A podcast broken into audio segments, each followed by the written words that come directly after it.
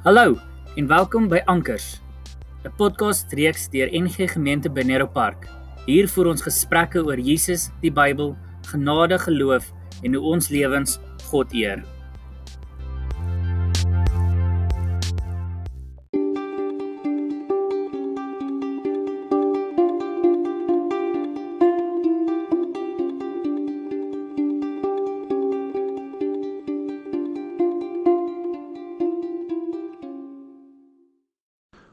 Goeiemôre. Dit is Maandag die 4de Mei. Mens kan nie glo ons is al so paar klompie dae in Mei maand in nie en dat ons in die 4de of in die 5de maand al van hierdie jaar is. Ons staan stil vanoggend by 1 Korintiërs 4. Paulus is steeds besig met sy brief aan die gemeente in Korinte en die trant van hierdie brief is nogal ferm. Hy skryf oor 'n klomp goed wat hy sê dis hoe dit is en dis amper asof dit lyk asof hy die ouens half vasvat. Ons het in hoofstuk 3 gelees dat hy vir die mense moet sê dat julle moenie kies tussen hom en Apollos en die een belangriker as die ander is en so aan nie dat almal ewe belangrik is. 'n Ding wat vir my uitstaan waarmee Paulus die gelowiges in Korinte bemoedig, ook in moeilike omstandighede, onthou as eerste geslag Christene, dan skryf hy hier in vers 12 en 13 dan sê hy ons seën die wat ons uitskel. Ons is geduldig met hulle wat ons vervolg. Ons bly vriendelik wanneer ons beskinder word. Hierdie is moeilike goed waar waaroor hy skryf. En wat hy van hulle verwag. Want dis wat die evangelie verwag, nê? Nee? Onthou Paulus het gesê met julle oor niks anders gepraat as Jesus Christus en hom as die gekruisigde nie. So dis sy vertrekpunt in alles wat hy skryf. En daarom sê hy hierdie moeilike ding vir hulle. Ons seën die wat ons uitskel. Ek weet nie van jou nie, maar dis vir my nogal moeilik.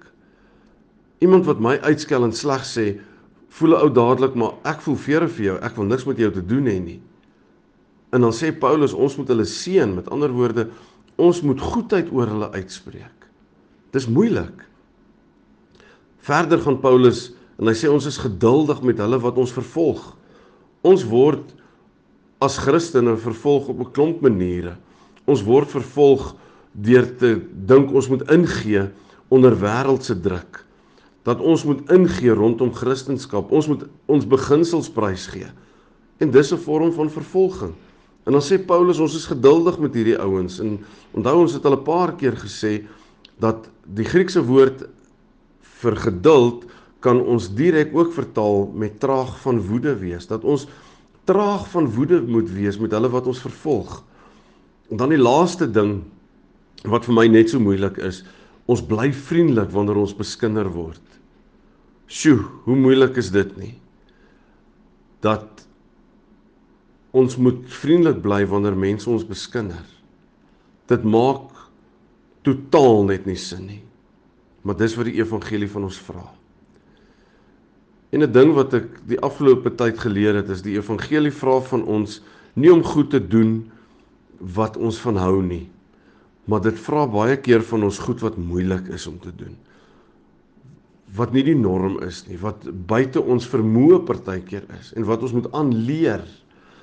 So moet ons dalk vandag begin om aan te leer om vriendelik te bly wanneer ons beskinder word of om mense te seën wat ons uitskel of geduldig te wees met hulle wat ons vervolg.